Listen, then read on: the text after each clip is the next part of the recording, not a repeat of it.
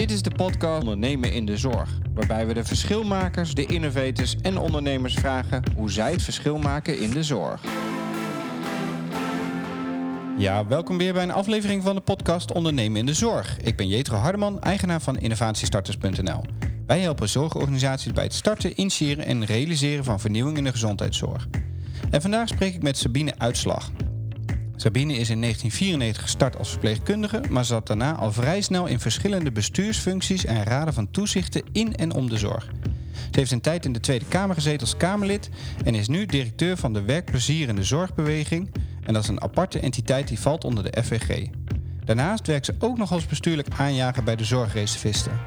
Een vrouw waarbij het ondernemersgen al vroeg tot uiting kwam in de vele rollen en functies die ze in het verleden bekleedde. Ik ben benieuwd hoe zij denkt over ondernemerschap in de zorg en wat er nodig is om dit te bevorderen. Laten we starten.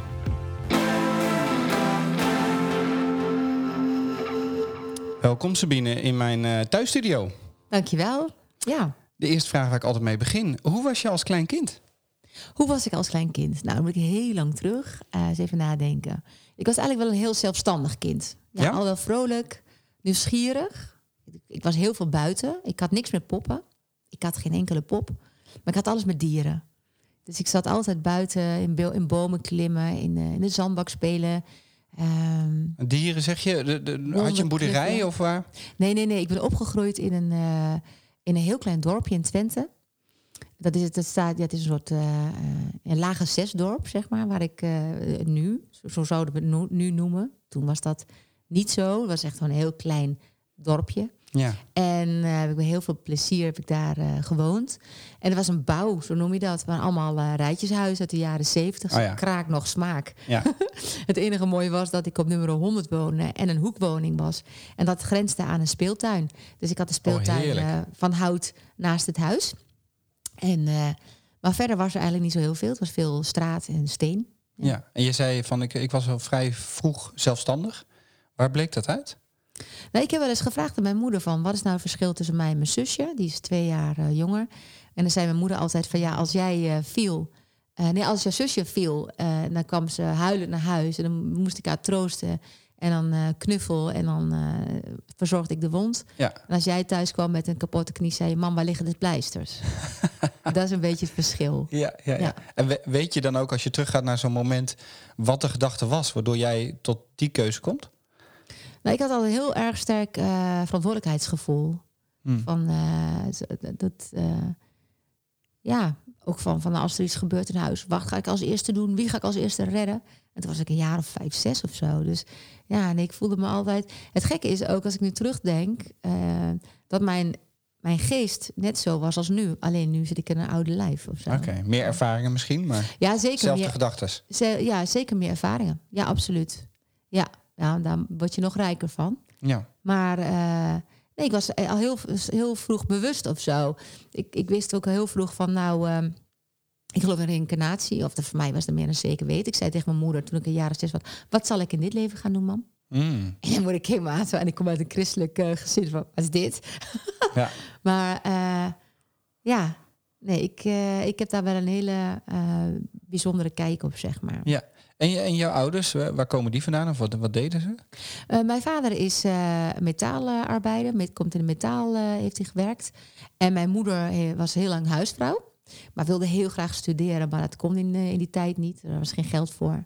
Was, dat deed je eigenlijk ook niet. Nee. en later is zij gaan werken als vrijwilliger bij de Rode Kruis. Ja. En in die hoedanigheid heeft ze ook haar zorgdiploma gehaald. En toen ik verpleegkundige werd, HBO-verpleegkundige.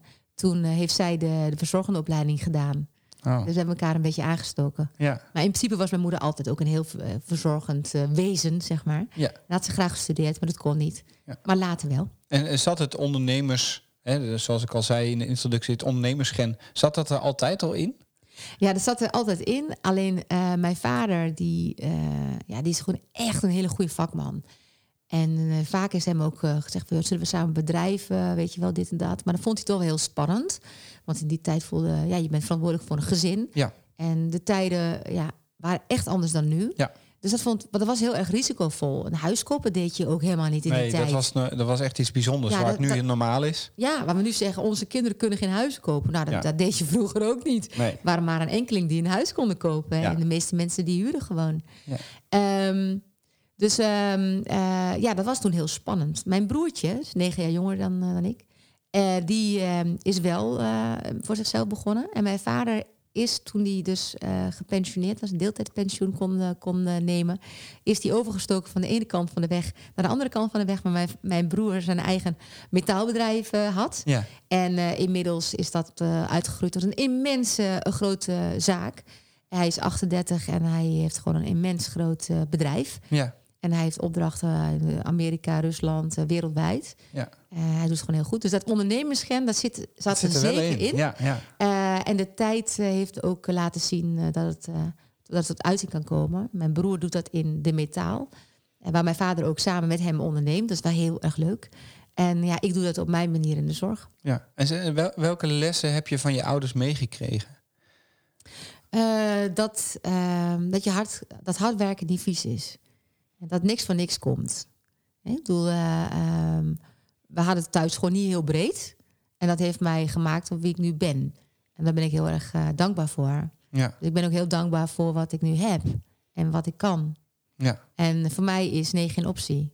Dus doorgaan en heel hard werken. En vooral niet, eh, wat ik ook geleerd heb, is je moet je niet meer voelen dan een ander. Want, wij, want iedereen is gelijk. En eh, ja, als je iets wil bereiken, dan eh, moet je er hard voor werken. ja. En dat heb ik ook gedaan. Ja, ja. Want je bent begonnen als verpleegkundige, maar al vrij snel maakte je een overstap. Ehm, kun, je nog vertel- eh, kun je ons meenemen naar het moment dat je koos van verpleegkundige naar de volgende stap in je, in je carrière? Wanneer was dat? Nou, ik ben, eh, ik ben eh, na de CLA, Christelijk Lyceum Almelo, ben ik overgestapt Almelo. naar Almelo. Leuk. ben ik overgestapt naar, eh, ehm, naar de HBOV in Enschede.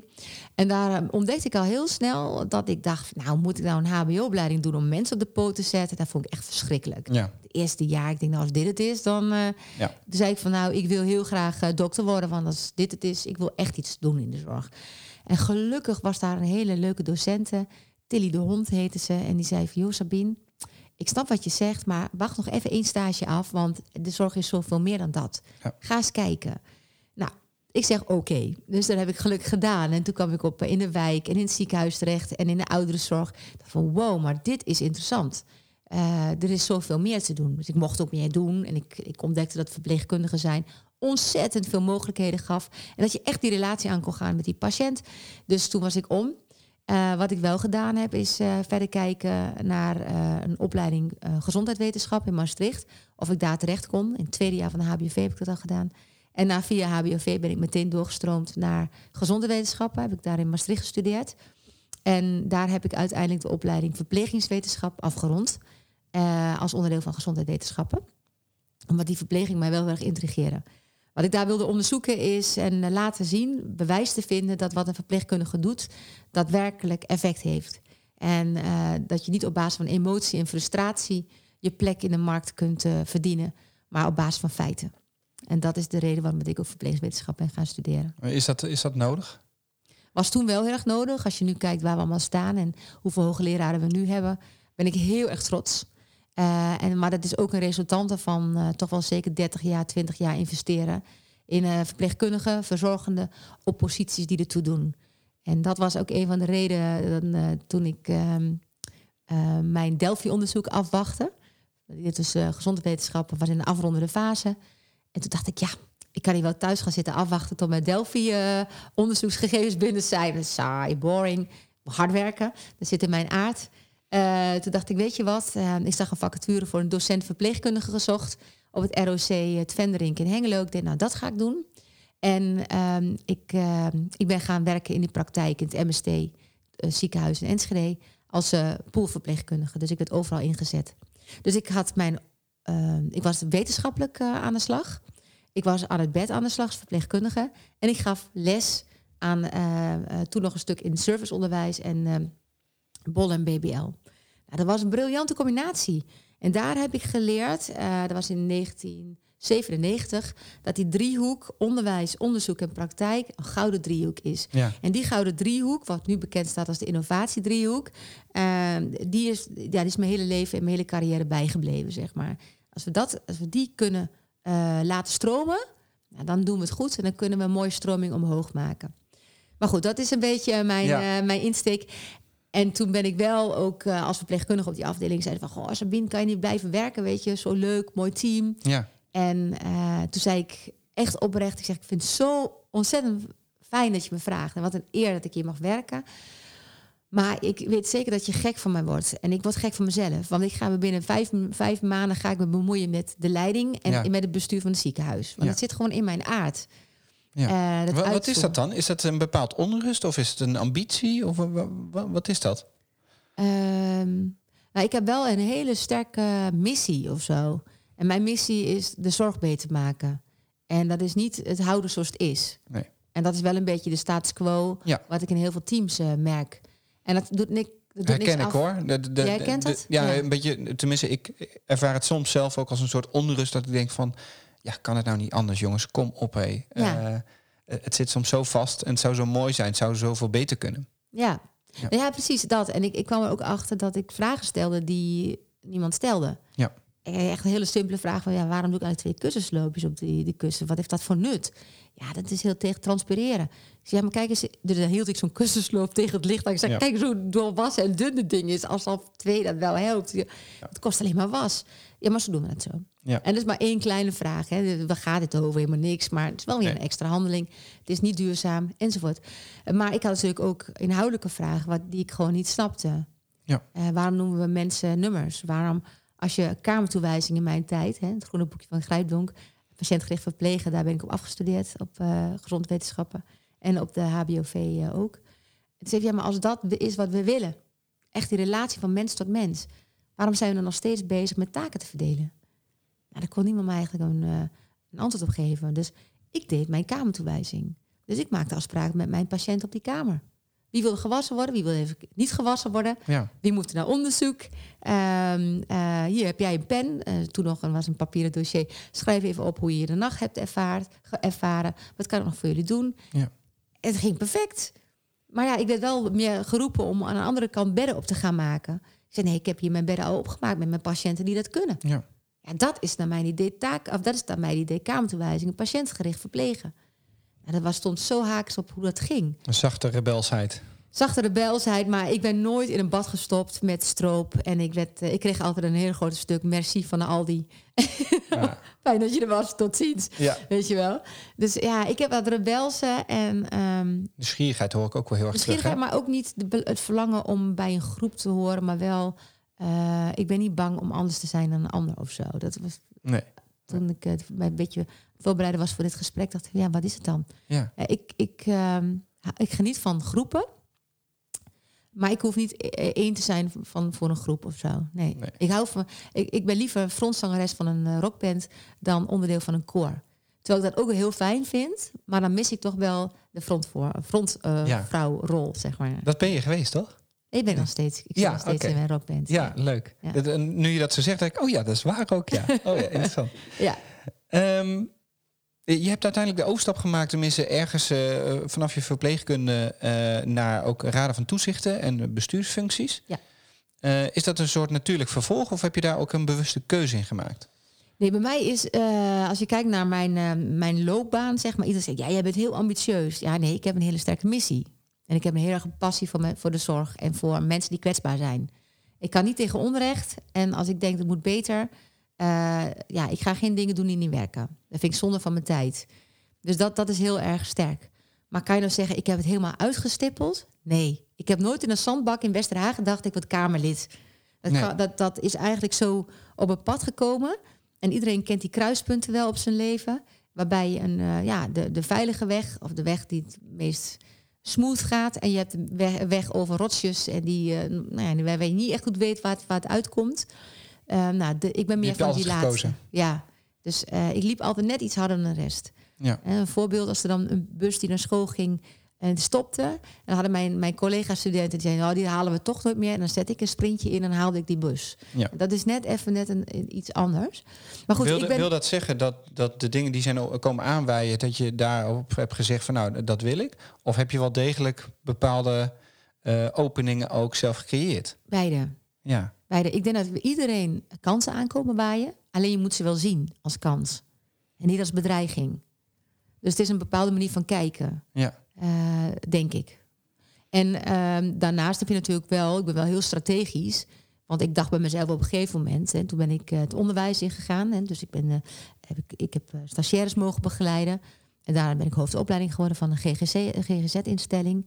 Daar heb ik toen een bestuurder getroffen die zelf verpleegkundige eh, is. Ja. Daarom ben ik ook aangenomen. Die vond het helemaal fantastisch. Een jonge verpleegwetenschapper, was 25. Ik werd hoofdopleiding van een GGZ-instelling zo. best wel spannend. Ja. Ik dacht zoiets van, nou, ik ga het gewoon doen. Ehm, mijn moeder zei altijd, ze kunnen je de kop er niet aftrekken. Dus ja, wat kan er gebeuren? En, eh, en dat, was een, dat was echt mijn Nestor. Dat was Peter Koopman. Hij is later ook voorzitter geweest van de AVVV, nu VNVN. Ja. En eh, ja, hij heeft mij echt meegenomen in het hele bestuurlijke verhaal en de strategie. En toen dacht ik, ja, dit vind ik wel heel erg gaaf. En, eh, Wat heeft hij in jou gezien destijds, denk je? Nou, dat is wel een grappig verhaal. Want ik had dus een sollicitatiegesprek. En toen kreeg ik ehm, met een unit manager, regio manager, eh, kreeg ik een beetje eh, mot. Want hij zei iets waar ik het absoluut niet mee eens was. En ik had zoiets, ja, maar dat, dat, daar ben ik het helemaal niet mee eens. En toen dacht ik, ja, wat de... Nou, Ja. mag niet zeggen, maar wat de heck, eh, ik vind dit. En ik ga dit... eh, ik zei, nou, daar ben ik het absoluut niet mee eens. En, ik, en Peter Koopman was daarbij en die zat daar echt van te smullen. En toen Ja. ben ik al mosterend en pruttelend op mijn derdehandse wielrennerfietsje weer teruggefietst naar huis. Ja. En toen had ik echt in mezelf praten. Nou, was het zo moe, dan hoef ik het ook helemaal niet te werken. Van de stomme organisatie en dit. Ja. En toen kreeg ik, was ik thuis, kreeg ik een, be- een bericht die- van Peter die zei: Ja, jou moeten we hebben. ja. Dus ik denk dat het ook wel te maken heeft met. ehm, durf je je rug recht te houden als het, eh, als het erop aankomt. Dus durf je kleur te bekennen. Durf je ehm, je mening ook te uiten als het eh, even moeilijk wordt. Dat vind ik interessant, want dat is eigenlijk wat je vaker hoort eh, als je kijkt tussen inderdaad eh, bestuurders en wat ze vaak opvallen. Of de mensen die ze de ruimte en tijd vaak geeft, zijn vaak de mensen die inderdaad kwetsbaar de boosheid kunnen laten zien en die ervoor gaan staan. In plaats van Ja. inderdaad het proberen netjes en. Ik heb wel veel geleerd hoor. Ja, dat ja, geloof ik. vroeger Ja. was ik echt een klein olifantje in een porseleinkast. Ja. Ik echt ook soms huilend achter mijn bureau zat. Even, waarom lukt Peter dat nou wel en mij nou niet? Ja, ja, ja. En ik heb eh, Maar de energie was goed. de energie was, eh, was gericht en was, eh, ja, was wel puur of zo. Ik doe het wel voor, zo voel ik het altijd, Ja, voor een grote belang of zo. ja. Ja, ik weet niet wat het is, maar dat ervaar ik op die manier. En toen belandde je in de Tweede Kamer. Dat Ja, zal nou, niet helemaal zo wat- zijn, maar Nee, er kwam nog wat tussen. Want toen Oh. was ik eh, eh, hoofdopleiding, eh, nee, hoofd, ehm hoofdzorgexpertise bij de, in de gehandicaptensector, zo zijn. En dat was heel erg interessant. Het was echt een bestuursfunctie. Toen kreeg ik ook, ik ook coaching gehad. Dus ik kan echt iedereen aanraden om een coach te nemen. Dat is geen zwakheid, maar dat, een coach helpt je om te reflecteren. En zelfreflectie is de allergrootste bron van energie, kracht en intellect, volgens mij. Want ehm, zelfreflectie betekent dat je kwetsbaar, kwetsbaar durft te kijken naar jezelf. ja. Ik heb in mijn leven zoveel ja, dingen gedaan waarvan ik denk Ja. van, oh helemaal lief. En dan zat ik in de auto en dan werd ik eerst heel boos op mezelf. En dan draaide ik het spiegeltje naar mezelf toe. Ik keek ik mezelf goed aan. Ik stond Mm. dan stil en dan zei ik, uitslag. Daar heb je een potje van gemaakt. Mm. Oké, en wat kan je er nou van leren? Wat ga je nou anders doen straks? Dus echt, Ja. ik dwong mezelf om na te gaan. Wat gebeurde er en wat was mijn rol daarin? In plaats van die anderen de schuld te geven. Mooi. Dus dat is Een echt soort wel iets- mentale APK eigenlijk, hè? Dat Continu. zou je iedereen eh, gunnen. elke dag. En Ja. dat doe ik al vanaf het feit dat, eh, nou ja, vanaf 1994. Ja, Eh, en dat is niet altijd makkelijk, want het is reus ingewikkeld om jezelf de schuld te geven. Heeft dat ook een relatie met waar, waar je mee begonnen? hè? Dat je zei van als jij valt, dan, ga je, dan voel je de eigenaarschap en verantwoordelijkheid om het zelf op te lossen. Ja, Dat hoor je hier ook een beetje van ja, als er Ja. iets mis is gegaan, Ja. ga je eerst kijken wat kan ik er zelf aan doen. ja, want wijzen naar een ander werkt niet. Nee, Dat lost niks op. nee. Ik kan alleen nog bozer van worden. Dus eh, nou, dat heeft ook wel een beetje hoe ik in elkaar zit. De pleister, die plak ik zelf, weet je wel. Ja, Ehm, Ja, maar, maar toen dacht ik van ja, weet je, ik wil graag eh raad van toezichtlid worden. Dat lijkt me helemaal te gek, want eh, nou, ik wil eens kijken op dat niveau hoe dat eraan toe gaat. En toen ben ik, volgens mij was ik de jongste raad van toezichtlid eh, destijds. Ik was eh 28 of 29 destijds. Hè. Inmiddels zullen er wel jongeren zijn, want het is nu wel Ja, eh, hip en happening, gelukkig. toegankelijk. Hè? Ja. Maar het is zo belangrijk dat we een andere energie krijgen naar de raad Ja. toezicht. Maar dat kan ik straks, of niet. Kom aan toe of niet. Ja. Maar daar heb ik echt wel een idee over. Maar ehm, goed, toen, eh, toen werd ik er eh, een, een van de jongste raden van toezichtleden leden in Nederland. Van een eh, thuiszorgorganisatie in Apeldoorn. En eh, toen dacht ik, ja, maar ja, ik zit steeds tegen dingen aan te, te, te knallen. ehm, waar ik eigenlijk ook niks aan kan doen. Die zitten niet in mijn beïnvloedingsgebied. Ik kijk mezelf aan het spiegeltje, maar daar kan ik niks mee. Nee. En waar ligt het dan? Nou, dat ligt bij de wetgever. Toen zei ik op de dag, nou, dan word ik gewoon Kamerlid. Ik word Kamerlid. En toen zei iedereen, ja, dat willen we allemaal wel. Ik zei, ja, nou, maar ik Ja. ga het gewoon doen. Dus toen heb ik wel, en dat is wel wat je zei, wel een plan uitgestippeld. Van, ja, maar hoe kom ik daar dan? En daar heb ik wel strategische stappen in gemaakt. Ja. Eh, van nou, eh, binnen twee jaar wil ik daar zitten. En wat moet ik dan doen om daar te komen? Ja. Dus dan heb ik wel eh, op, met verschillende mensen die echt senioriteit hebben op dat gebied. ehm, eh, heb ik stage gelopen, heb ik een dagje meegelopen. Kijken, waar vind ik dit nou echt interessant? Ik heb de fractiebegeleidingscommissie Verpleging en Verzorging van, van mijn partij opgericht. Die bestaat trouwens nog steeds. Waarbij ik Kamerleden gevraagd en ongevraagd advies gaf over wat er nou eigenlijk echt gebeurt ja. eh, in de zorg. En niet alleen van de arts en de farmacie, maar juist van de verpleegkundigen en verzorgenden. Ik hoor ook veel investeren dus. Voordat je überhaupt daar iets van haalt. Ja, ja, maar weet je, en ik zat ook, ook eh, bijna elke week wel ergens in Utrecht bij de VNVN. Dat was toen nog AVVV. Zat ik in allerlei commissies. De wetenschap in de praktijk, eh, onderwijs. Heb ik echt uren ingestopt. Maar niet met het idee van, nou, dan moet ik straks terugkrijgen. Of Nee. eh, kijk eens hoe, eh, hoeveel uren ik... Nee, joh, ik telde de hele uren niet. Het is dat we er nu over hebben, maar ik heb er nooit over nagedacht. En waarom niet? Ik had een leuke baan en ik, had, eh, en ik heb passie. Ja. En waar kan ik beïnvloeden? Waar kan ik mijn invloed laten uit? Kan, kan ik iets doen Ja. om samen te zorgen dat we die, die, ja, die enorme boot kunnen keren? Ja. Dus dat is, ik ben altijd op zoek geweest naar invloed. Ja, en toen, toen had je invloed binnen de, de Tweede Kamer. En eh, hoe werkt dat dan? Hoe, hoe heb je dat spel geleerd eh, van politiek? Nou, dat is vallen en opstaan. Ja? ja, je wordt echt ingesmeten gewoon. En eh, ik kwam toen terecht in een. Kun je me fractie. beschrijven hoe zo'n dag verloopt bijvoorbeeld? Nou, ik zal je beschrijven hoe dat voor mij was. Want het is heel afhankelijk van het aantal zetels. Oh, Want ik, werd er, ik, ik werkte bij het Wetenschappelijk Instituut van het CDA. Ab Klink had me naar binnen gehaald, zeg maar. Die zegt van, wil jij dat bij ons doen? Toen heb ik ook ehm, eh, nou ja, de zorg zeg maar meer op... Ik, want ik wilde daar meer van weten. Dus ik denk, ja, dat is een mooie, een mooie kans. Toen ben Ja. ik ondernemer geworden. En ik werkte ook in een Isale-kliniek als eh nou, binnen opleidingen. Dus dat was een hele mooie combinatie. En ehm, toen werd ik dus eh, vervangen van de zwangerschapsverlof van Marianne Sterk. En daarna kon ik in die kamer blijven, omdat een aantal mensen uit de kamer gingen. Nou, hoe zag dat eruit? 42 leden. En de portefeuille zorg was natuurlijk al verdeeld. ja. Dus ik kwam naar binnen. En wat kon ik doen?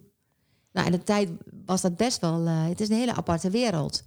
Ehm, ik was bijvoorbeeld heel blij dat ik diezelfde avond nog...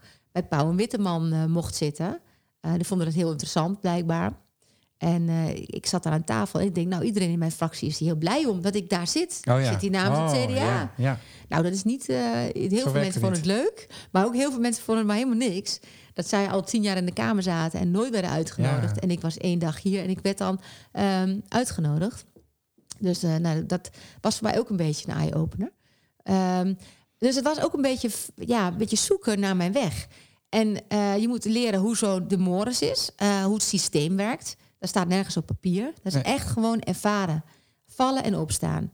En ik weet nog heel goed dat dan ook allerlei mensen iets van je gaan vinden. Maar helemaal niet ingeaard op de, onder, op de inhoud, op mijn passie. Dus eh, de, de dumper en dan vaak was het dan seksistische opmerkingen of zo. Dus ik heb echt met tranen in mijn ogen voor de spiegel gestaan in de Tweede Kamer en gedacht van ja, waarom dit? Waarom doen mensen dit eigenlijk? Ja. Waarom zeggen mensen dit over mij? Ze kennen mij niet eens. Nee. Dat vond ik zo. Dat kwam zo hard binnen. En toen dacht ik, ja, uitslag, zei ik toen tegen mezelf. Kijk, ik praat heel veel met mezelf, Ja, ja, hè, ja. zo hoor je wel. Maar ik zei van, ja, weet je, dit is wat het is. Dit is de politiek. Welkom. Die mensen hebben niks tegen jou, maar tegen jouw systeem waar je voor staat. Ja. Ehm, take it or leave it. Of de schil die ze zien. Maar dat Dit- zegt maar niks over het. wie jij bent. Of... Dit is het. Ja. Je kan nu een olifantenhuid creëren en gewoon zorgen dat je hier snapt hoe het werkt, zo snel mogelijk om te kunnen overleven. En als ik verzink in deze toestand, dan hoor ik je niet. Nee. En als ik hier blijf drijven, dan ben ik hier op mijn plek. Dus die afspraak heb ik mezelf gemaakt, de knop omgezet. En eh, Hoe lang eh, heb je er gezeten? vijf jaar. Oké. En welke, wa- wat is nou het belangrijkste inzicht wat je hebt opgedaan toen? Wat je misschien nog altijd gebruikt? Ja, hoe, hoe, hoe het systeem werkt. Hoe werkt het systeem? Kun je dat eh, kort uitleggen? Ja, eh, wa- wat, wat, wat heel veel mensen doen, die hebben een goed idee. En die zeggen dan, nou, we gaan naar de Kamer. We willen kijken of we die willen financieren. Maar die komen dan in januari aankloppen. Maar dan is het geld al verdeeld. Hmm. Dus het is eigenlijk... Timing. Timing is alles. En eh, wat ik ook gezien heb, want ik hou van uitzoomen, is dat je dit systeem, dit, dit patroon ook terugziet in het gewone leven van een bestuurder in de zorg. En die hebben ook gewoon in na september beginnen ze alle met een budgetronde. Dus als Ja. je een goed idee hebt, doe dat dan in mei. Breng in mei dat in. Wat ik ook geleerd heb, is eh, ik kon met mijn naïeve hoofd in mijn, ik zat dus in MT's, in mijn MT wat inbrengen en dacht ik, nou, dat is een supergoed idee. Daar kan niemand nee tegen zeggen. En ik denk, ik krijg helemaal geen support. Wat is hier aan de hand? Ik heb geleerd eh, dat je eh, een goed plan in de week moet leggen. Dat je daar een plan de campagne voor moet maken. Dat je juist de mensen binnenboord moet hebben. Dat je ze iets moet gunnen. En je zeggen, nou, hij heeft het idee bedacht. Wat fantastisch. Ondertussen gaat het wel door. Want dat is wat je wil. Ja, ja. Dus het, ehm, en dat is niet, dat, dat kan je politiek noemen. Je kan het strategie noemen. Ehm, dat is niet alleen politiek. Het is een manier om iets te realiseren. Hoe krijg je iets voor elkaar? Ja. Nou, dat heb ik heel erg geleerd in de politiek. En ja, weet je, een netwerk is alles. Een goed netwerk is goud waard. Dus eh, mijn netwerk van toen, die heb ik nog steeds. En dat is gewoon heel erg belangrijk.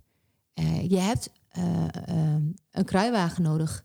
En invloed, een netwerk is niet vies. En dan moeten we als zorgnieuws echt mee ophouden...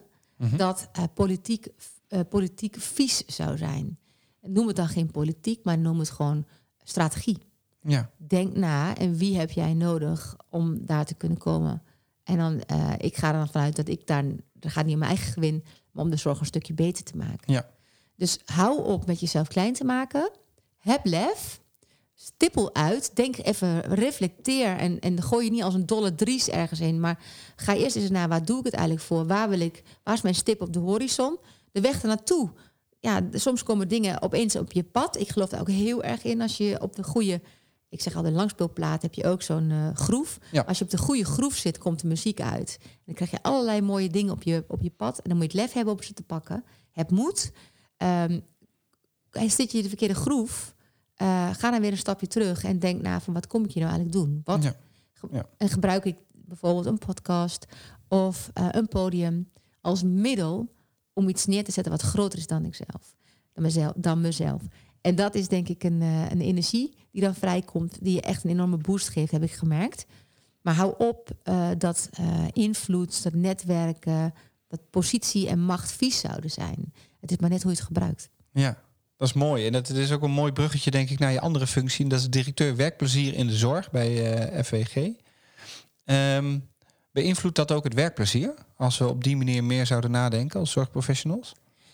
Ja, ja, ik ben nu ook een eh, boek aan het schrijven. Die komt eh, 21 maart uit.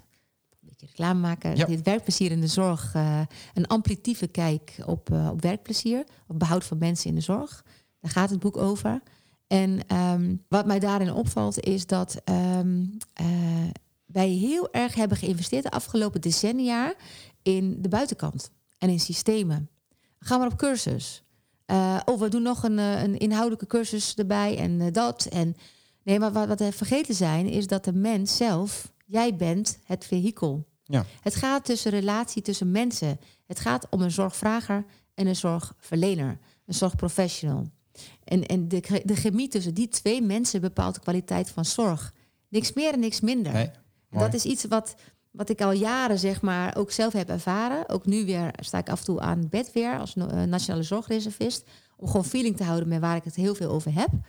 Eh, klopt het nog wel? Ik kalibreer continu.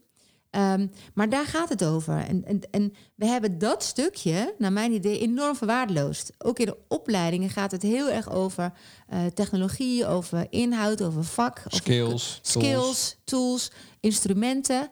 Maar die instrumenten, skills, tools en technologie worden bestuurd door mensen. Door mensen. Dus die homo faber, hè, dus de, de creërende mens, de spelende mens, daar moeten we aandacht aan besteden. En dat doen wij met die werkplezier in de zorgbeweging.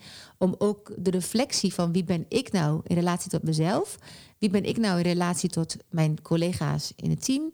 En wie ben, ben ik nou in relatie tot mijn organisatie? Wat zijn mijn waarden? Komen we weer met, die, met dat uh, met je waardevol kunnen zijn. Ja. Wat zijn mijn waarden en hoe kan ik ze tot uiting brengen in dit team of in deze organisatie? Dus uh, dat is wat anders dan um, uh, ik kom hier om mijn hypotheek te betalen en ik draai mijn diensten af. Uh, maar dat gaat echt over, ja, maar wie, maar, en zelfs dat mag. Maar wie ben jij dan? En waar krijg jij nou energie van en waar lekt de energie? En zie je dan bepaalde ontwikkelingen ontstaan in de zorg? Ja, ik zie echt een hele mooie ontwikkeling. Ik ben een optimist tot in de kist. ik ben altijd heel positief. Uh, en ik geloof ook dat zelfs de crisis waar we nu uh, in zitten, uh, wat ook een marathon aan het worden is. Hè. De vraag is maar of we hier ooit uitkomen.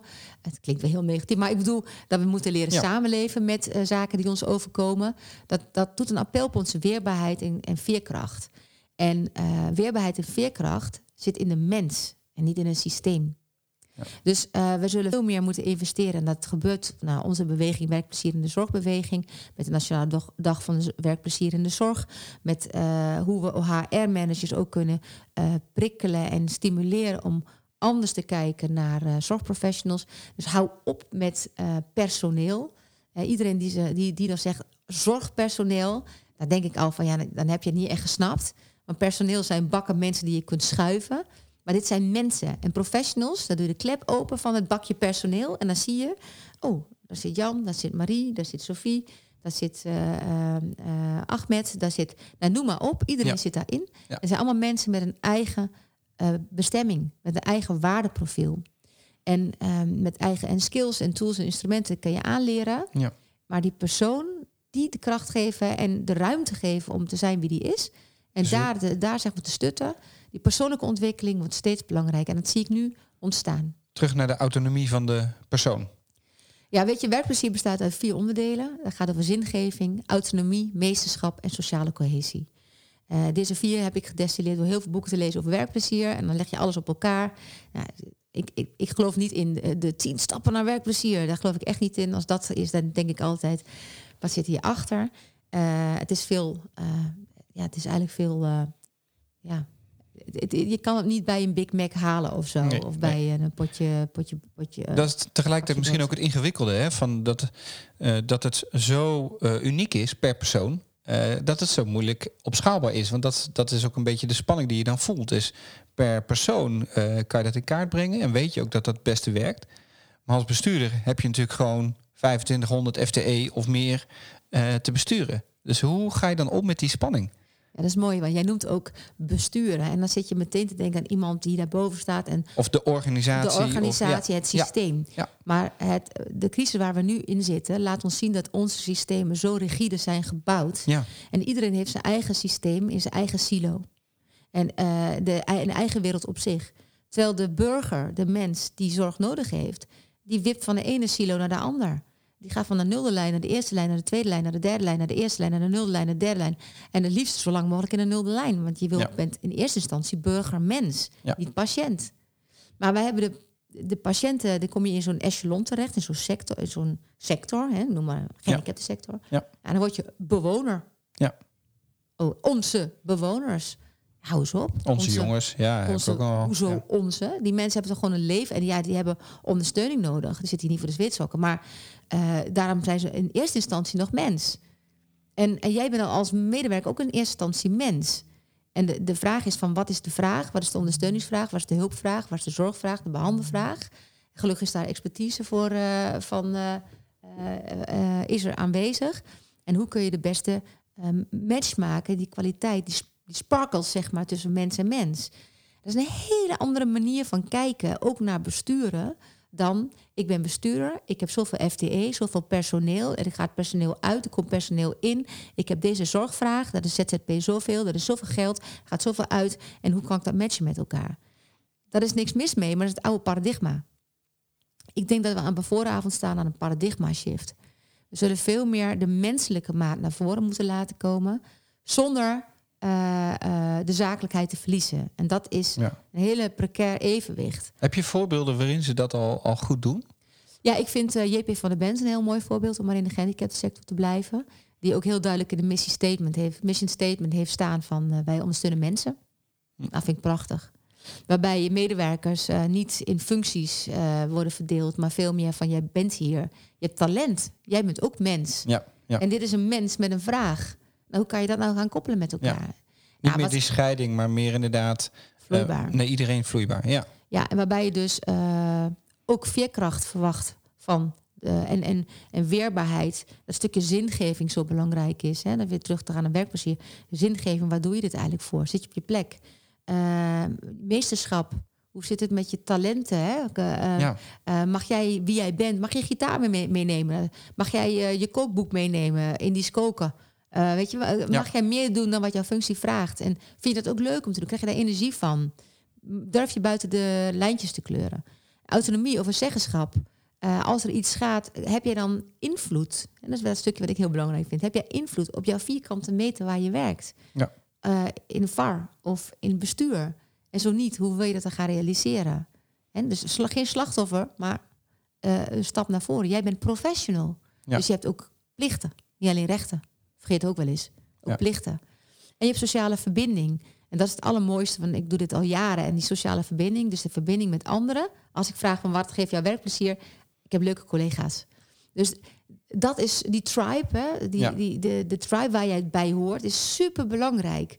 Dus steek daar energie in. Zorg ervoor dat die tribe, die samenleving, wat niet altijd eh, rooskleurig is, soms heb je daar conflict, maar elk conflict is een ontwikkelkans. In plaats van, eh, nou, we moeten crisismanagement. Nee, mensen zijn niet met elkaar eens. Prima, mooi, beweging, ontwikkelkans. Wie gaat het hier, waar zit die ontwikkelkans? Niet buiten jezelf leggen, maar wat kan ik eraan doen om te zorgen dat mijn team beter is? Dus Ja. in dat hele werkplezier gebeuren, wat je nu echt eh, mooi op ziet komen, want wij geloven in de beweging, hoeven niet alles zelf te doen, maar die beweging moet op gaan komen. Zie je dus dat die vier elementen van zingeving, er mag weer gesproken worden over zingeving. Eh, meesterschap, talent, eh, dus niet het, het hokje functie, maar het, niet het vierkantje, maar het rondje wat voor de deur Ja. staat, die kan er ook in. Eh, autonomie, zeggenschap, nou, door de crisis, crisis enorm, enorme vlucht genomen. Ja. Eh, Evelien Finnema bijvoorbeeld, hè, de C- Chief Nursing Officer van VWS, heeft daar ook een hele mooie, mooie ideeën over samen met Bianca Schuurman van VNVN. En die sociale verbinding, die sociale cohesie, eh daar zie je dus ook dat er steeds meer bestuurders zijn die willen investeren in die tribes in zijn organisatie. In plaats van dat hij nou gaat besturen met zijn, eh, met zijn eh, management informatiesysteem en poppetjes gaat verschuiven, want hij weet of zij weet dat dat niet werkt. Nee. Wat anders? Ik ben voor herwaardering van de roeping.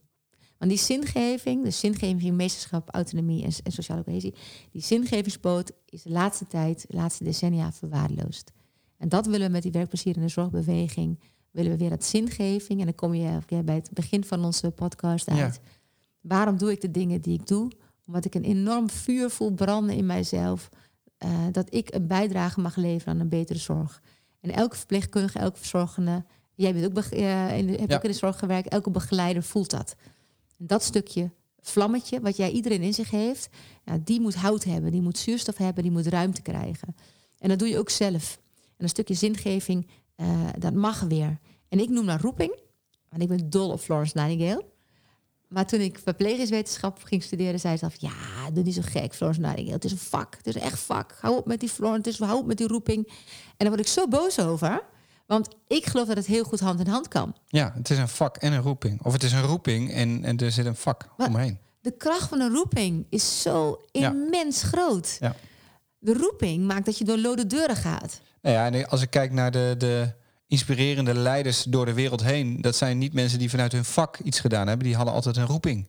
Die moesten. En daar hebben ze van alles eh, om gedaan. Ja. Ja. en dat is ook Mooi. lijden. ja. En dat is niet altijd, dat is niet Niet altijd leuk. Nee. En, dan, en, en dat betekent ook misstappen. En op je bek vallen, als ik het even zo Ja. mag zeggen. Ja. Eh, en dan weer opkrabbelen. Of zo, het, Daan Kwakernaat, het vorige week eh, sprak ik hem een hele leuke metafoor over kathedralen, hoe die gebouwd worden in de middeleeuwen. En eh, die hadden dus geen bouwtekening. Eh, die bouwden gewoon. En dan viel een muur om. Ja. Ja, dan was het huilen, bidden, collecteren en opnieuw beginnen. en dat vond ik zo mooi. Ja. En die, die cirkels zeg maar, van leren, daar hebben wij er allemaal uit ge- georganiseerd. Wij zijn van de Lean and Mean Kawasaki Toyota generatie. Ja. Waarbij we stappen gaan tellen hoe, hoe lang het duurt voordat iemand bij de medicijnkast is. En dat het echt wel efficiënter kan. Ja. En dan denk ik, nee, dat is een heel ander mensbeeld. Wij moeten veel meer gaan insteken op de eh, homo faber. Op de spelende, creat- creërende mens. Daar, daar zit de, de passie. Mensen, Maar ma- mag het er niet allebei zijn? Want eh, aan de andere kant, eh, vanuit die roeping, mensen willen graag zo goed mogelijk voor een burger zorgen. eh, maar hebben niet altijd door dat ze inderdaad twintig keer dezelfde handeling doen en als een soort robot eigenlijk door het systeem wandelen. Dat in beeld brengen is denk ik ook onderdeel van je, je vak. Maar je zegt nu twee dingen. Je zegt als een robot door het beeld. Ja, als het Ja. een robot wordt, dan zit je al in een ander mensbeeld. Dus daar, daar heb ik het niet over. Maar mensen die eh, wel drie keer op en neer lopen, omdat zij invoelen van ja, maar ik moet hier gewoon wat langer blijven, want het gaat niet goed met die Zeker patiënt. waar. Ja, Dan moet je dat kunnen doen. Ja. En en dat moet eh, uitgangspunt zijn, dat klopt. Dat moet het Ja. uitgangspunt zijn. En niet, eh, ik zit nou zelf ook in de, in de wijk en dan heb ik tien minuten om iemand te douchen. Ja. Dat is onmogelijk. Ja. Ik kom ook altijd te laat. Nee, ik kom niet te laat, maar ik, ik, ik wijd altijd enorm uit. Omdat ik gewoon vraag, hoe gaat het eigenlijk met u? En dan is de interventie de vraag, hoe gaat het eigenlijk met u? Dat levert de patiënt en de relatie, maar ook de verkorting van de duur... wat iemand gebruik maakt van de wijk, enorm veel op. Alleen Ja. past niet in het systeem.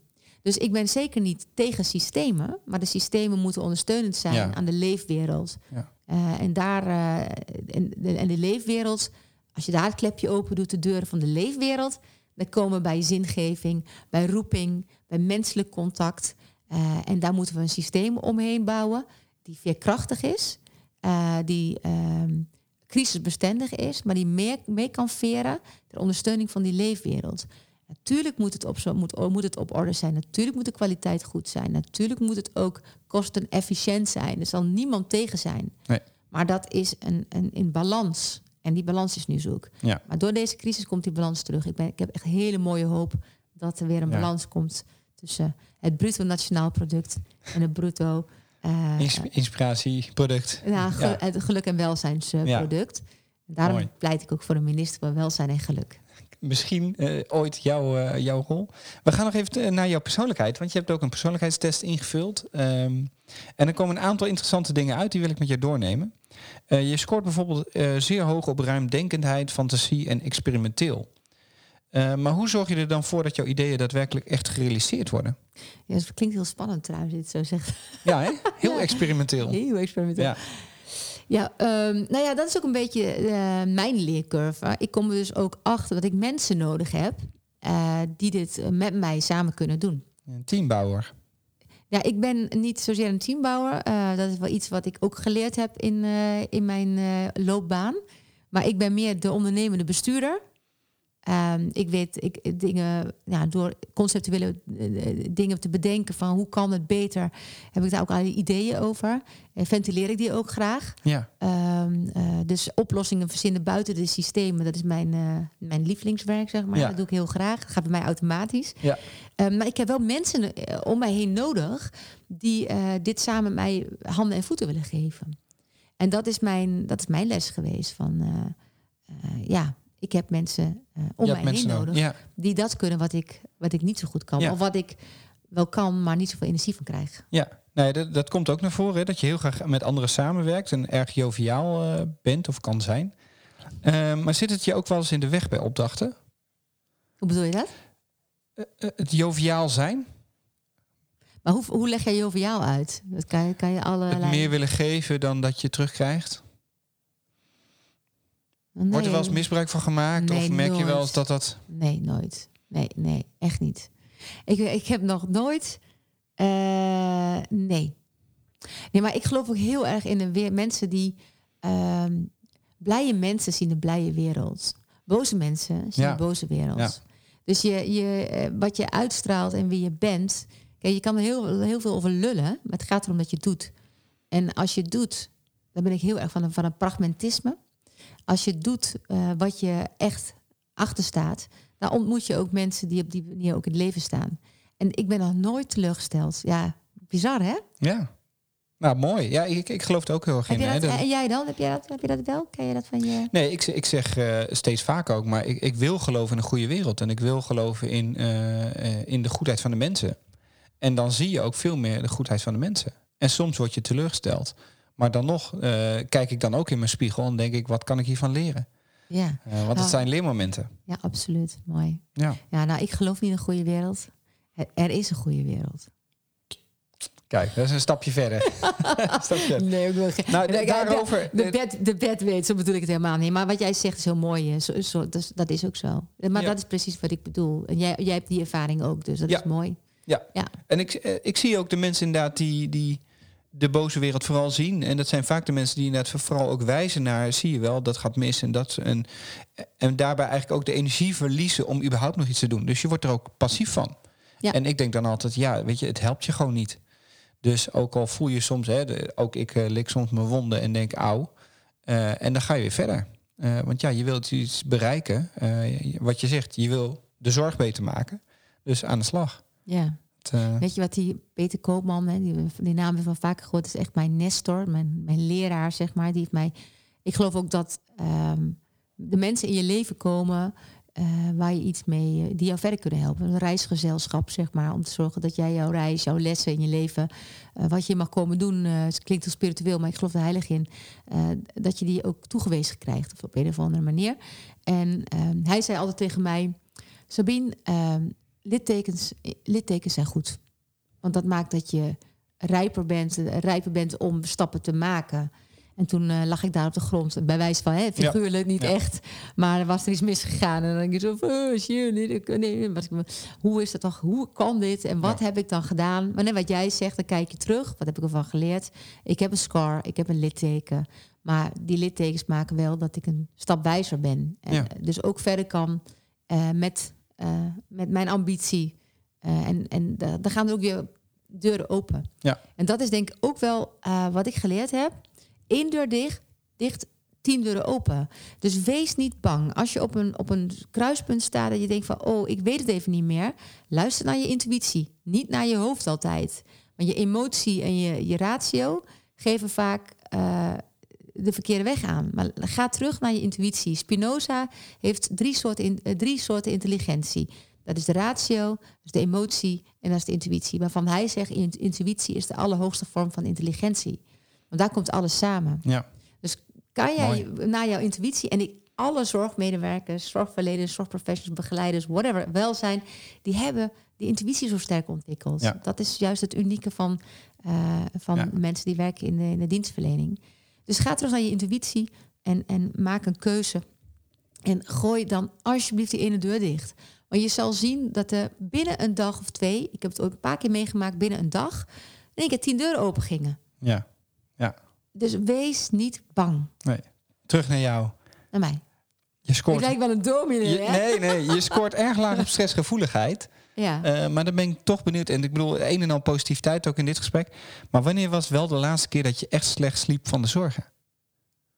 Het grappige is, eh, ik, was, eh, ik ben altijd berenblind geweest. Ik zie geen beer op de weg.